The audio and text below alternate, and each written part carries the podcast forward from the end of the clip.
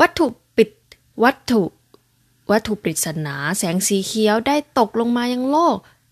วัตถุปริศนาที่มีแสงสีเขียวนี้ได้ตกลงมายังโลก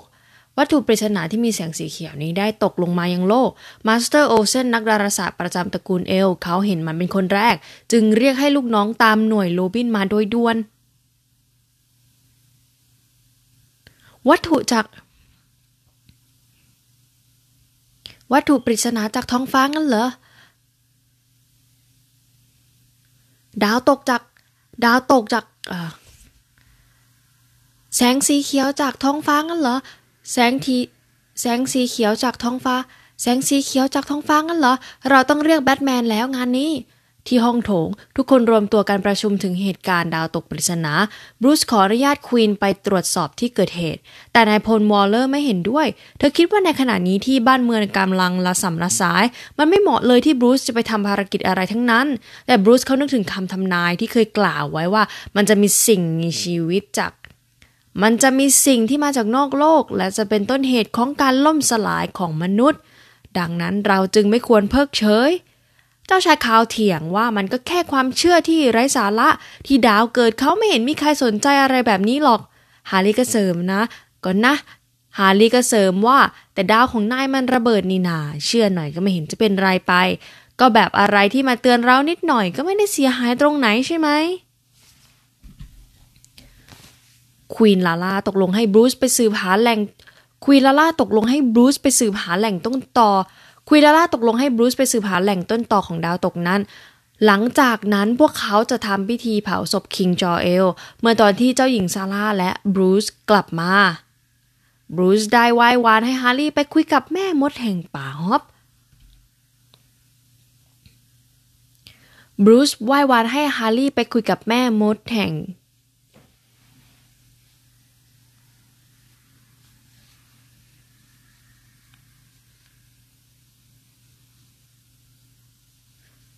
บรูซได้บรูซไว้วานให้ฮาร์รี่ไปคุยกับแม่มดแห่งป่าฮอปบรูซมีท่าทีที่รีบร้อนเขาบรูซมีท่าทีที่รีบร้อนเขากังวลว่ามันคงจะไม่ใช่แค่พวกเขาแน่ๆที่ได้เห็นดาวตกปริศนานั่น ภาพตัดกลับมาที่ทีม Metal Men Metal Men นี่เป็นทีมซูเปอร์ฮีโร่เก่าแก่ของดีซีนะคะ พวกเขาเป็นหุ่นยนต์ที่ถูกสร้างโดยดรแมกนัสพวกเขาเป็นหุ่นยนต์ที่ถูกสร้างโดยพวกเขาเป็นหุ่นยนต์ที่ถูกสร้างโดยดรแมกนัสแล้วก็ถูก ปรับมาเป็นหน่วยทหารเท่ๆในเรื่องนี้ เหล่าเมทัลแมนก็มาถึงเหตุการณ์ หากแต่ว่ามีใครคนนึงมาถึงก่อนพวกเขาแล้ว เจ้าหญิงซาร่านั่นเอง นี่ก็ทำให้เรา นี่ก็ทำให้เรา นี่ก็ทำให้เราได้รู้ว่าเจ้าวัตถุปริศนานอกโลกมันตกลงมาในอาณาจักรแมกนัสอาณาจักรของเหล่าเมทัลแมนนั่นเอง อาณาจักรของเหล่าเมทัลแมนนั่นเองเจ้าหญิงซาร่าจับดาบที่ชี้มาที่หน้าเธอ แล้วก็หักมันด้วยมือเปล่า พร้อมพุ่งพร้อมพุ่งโจมตีเหล่าทหารเมทัลแมนอย่างโหดเหี้ยมทีละคน ที่เกาะแอมะซอน โลอิสเข้ามาพูดคุยกับควีนฮิปโปลิต้าและนายพลฟิลิปัส เธอนำข่าวว่าคิงเจฟเฟอร์สันกำลังเดินทางมาพบควีนฮิปโปลิต้าเนื่องจากการตายของเจ้าชายเจคอบ ควีนถึงกับตกใจเมื่อรู้ข่าวสลดนี้ ทั้งสามหารือถึงความเป็นไปได้ของคนที่จะเป็นฆาตกร โลอิสให้โลอิสให้ความเห็นว่าน่าจะมาจากเรื่องที่คิงจอเอลเนี่ยตาย แต่การเอาคืนกับเด็กตัวเล็กๆ แบบนี้มันดูไร้เหตุผลเกินไปหน่อยนะ ควีนฮิโปลิต้าน่าเครียดทันที แล้วเธอก็ต้องการพบไดอาน่าโดยด่วน ในที่สุดคิงเจฟเฟอร์สันก็ขึ้นฝั่ง ไดอาน่าพุ่งเข้าไปขวางคิงเจฟเฟอร์สันด้วยท่าทีไม่เป็นมิตรนัก เพราะกฎของเกาะนี้คือห้ามผู้ชายเข้ามา คิงเจฟเฟอร์สันนั้นรู้ดีหากแต่นี่เป็นเรื่องด่วน เขาทำการขอโทษราชินีที่ต้องมาพบอย่างกะทันหัน และเมื่อพวกเขาไม่สามารถเข้าเกาะได้ จึงได้เชิญควีนฮิปโปลิต้าไปหารือกันบนเรือ คิงเจฟเฟอร์สันพูดถึงลูกชายที่เป็นดังแก้วตาดวงใจของเขา การสูญการสูญเสียลูกไป มันทำให้ราชินีฮิปโปลิตานั้นเห็นใจคิงเจฟเฟอร์สันเป็นอย่างมาก การสูญเสียลูกไปมันทำให้ราชินีฮิปโปลิตานั้นเห็นใจคิงเจฟเฟอร์สันเป็นอย่างมากฮิปโปลิตาเลยเอ่ยถามตรงๆว่าคิงเจฟเฟอร์สันเป็นคนสั่งฆ่าคิงจอเอลนั้น จริงหรือไม่ เขาก็ยอมรับอย่างแข็งกร้าว อ้างว่าทำไปเพื่อช่วยโลกนี้ และปัจจุบันเขาก็ได้รู้แล้วว่า พวกมันนั้นมีพลังที่โหดเหี้ยมแค่ไหน ที่เจ้าหญิงซาร่านั้นฆ่าลูกชายของเขาอย่างโหดเหี้ยม เจ้าหญิงแดน่าตกใจกับคำกล่าว เจ้าหญิงแดน่าตกใจกับคำกล่าวหาต่อคนรักของเธอไม่ ซาร่าไม่มีทางทำอย่างนั้น ไดอาน่าเริ่มโมโห คิงเจฟเฟอร์สันเองก็เช่นกัน เขาเล่าเรื่องเขาเล่าถึงสิ่งที่เกิดขึ้นในคืนนั้นให้ทุกคนฟังซาร่ายิ้มเยาะต่อการตายของเจคอบแบบไม่ใหญ่ดีโลอิสไม่เชื่อและโลอิสไม่เชื่อและไม่คิดว่าซาร่าจะมีเหตุผลอะไรโลอิสไม่เชื่อ และไม่คิดว่าซาร่าจะมีเหตุผลอะไรที่ต้องไปฆ่าเด็กตัวเล็กๆทำไมพลังขนาดนั้นไม่ถล่มปราสาทไปทั้ง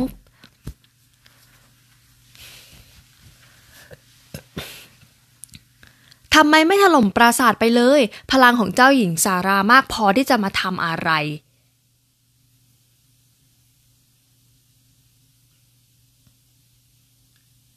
พลังของเจ้าหญิงนั้นพลังพลังของเจ้าหญิงซาร่านั้นมากพอเกินกว่าที่จะมาทำอะไรที่ไม่มีเหตุผลแบบนี้ คิงเจฟเฟอร์สันไม่พอใจที่โลอิสเข้าข้างซาร่าและตำหนิและ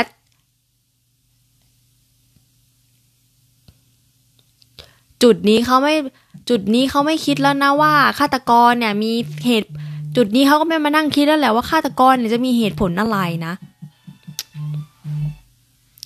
จุด จุดนี้เขาก็คิดแล้วแหละจุดนี้เขาก็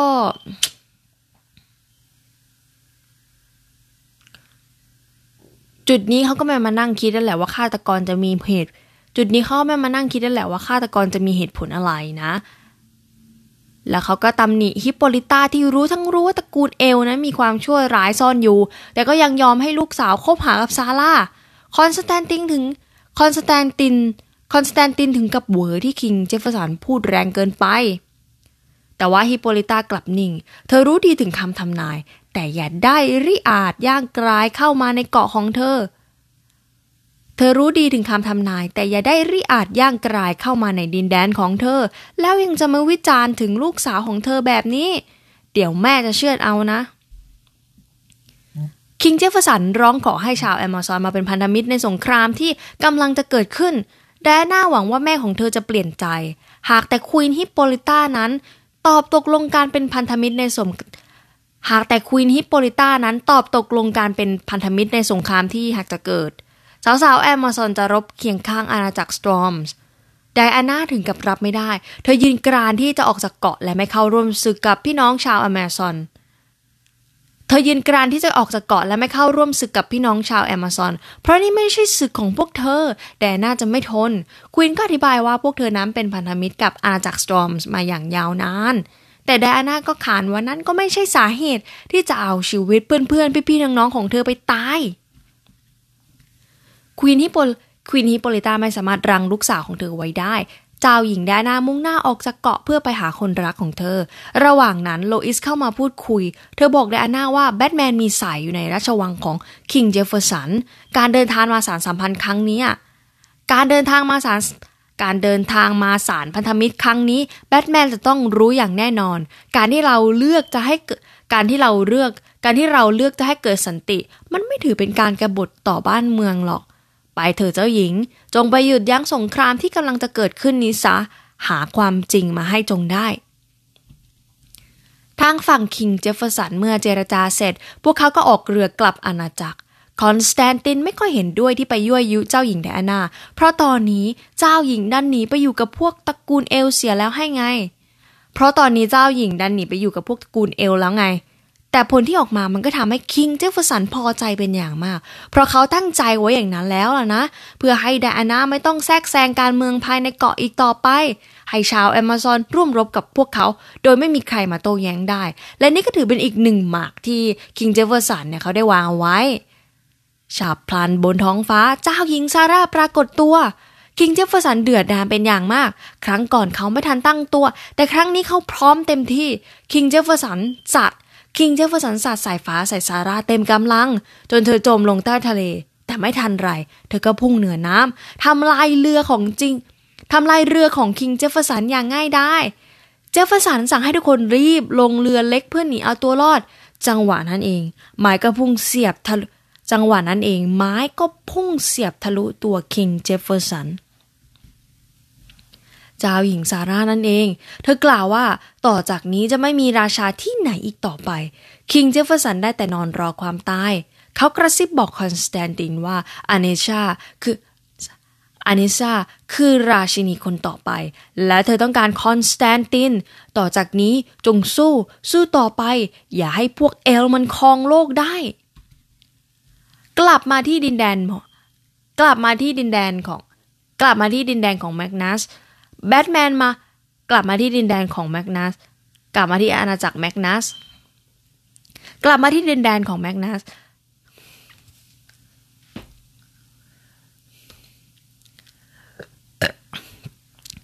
กลับ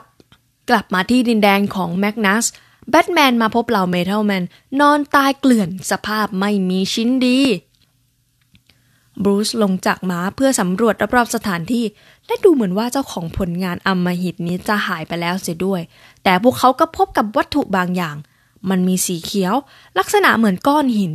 อัลเฟรดหยิบมันขึ้นมา แต่ในขณะเดียวกันนั่นเองบรูซก็เริ่มรู้สึกแปลกๆ เขาล้มลงวูบไปอัลเฟรดถึงกับต้องโยนหินสีเขียวปริศนานั้นทิ้งไป มันไม่ได้ส่งผลอะไรต่ออัลเฟรด นั่นจึงทำให้บรูซต้องเล่าความลับให้อัลเฟรดฟังถึงชาติกำเนิดของตัวเขาเอง หากแต่ว่าอัลเฟรดนั้นหากแต่ว่าอัลเฟรดนั้นรู้อยู่แล้วล่ะ และมันก็คงถึงเวลาที่บรูซจะต้องรู้ และมันก็คงและมันก็คงถึงเวลาที่บรูซจะต้องรู้เรื่องราวความจริงทั้งหมดนี้เสียที จบไปแล้วนะคะ จบไปแล้วสำหรับตอนที่ 3 นะคะ เจ้าวัตถุปริศนานอกโลกนี้มันก็คือคริปโตไนท์นั่นเอง แบทแมนแพ้คริปโตไนท์นะคะ ก็เพราะว่าเขาเป็นลูกครึ่งคริปโตเนียนเป็นน้องชายของซูเปอร์แมนนั่นเอง เอาละสิ แล้วตอนนี้เจ้าหญิงซาร่าเนี่ยก็เป็นตัวปัญหาเลยนะ เราก็ยังไม่รู้นะว่านี่เธอเป็นตัว เราก็ยังไม่รู้ว่านี่คือเธอตัวจริงหรือว่ามันจะเป็นใครนะในเจ้าเรื่องคำทำนายนั่นอีก ที่อาจจะหมายถึงสิ่งอื่นจากนอกโลกหรือเปล่า ไม่ใช่ตระกูลเอล ไม่ใช่ตระกูลเอลแบบนี้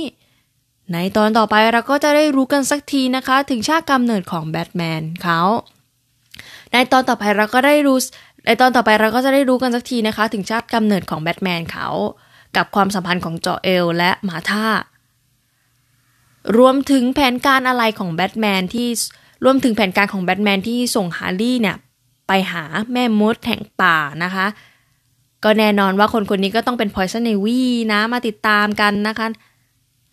ก็แน่นอนนะว่าคนคนนี้ก็ต้องก็แน่นอนนะว่าคนคนนี้ก็ต้องเป็น Poison Ivy น่าติดตามมาก ๆ เลย ใครที่ชอบก็กด subscribe เปิดรอเลยนะคะ เรื่องนี้มี 12 เล่ม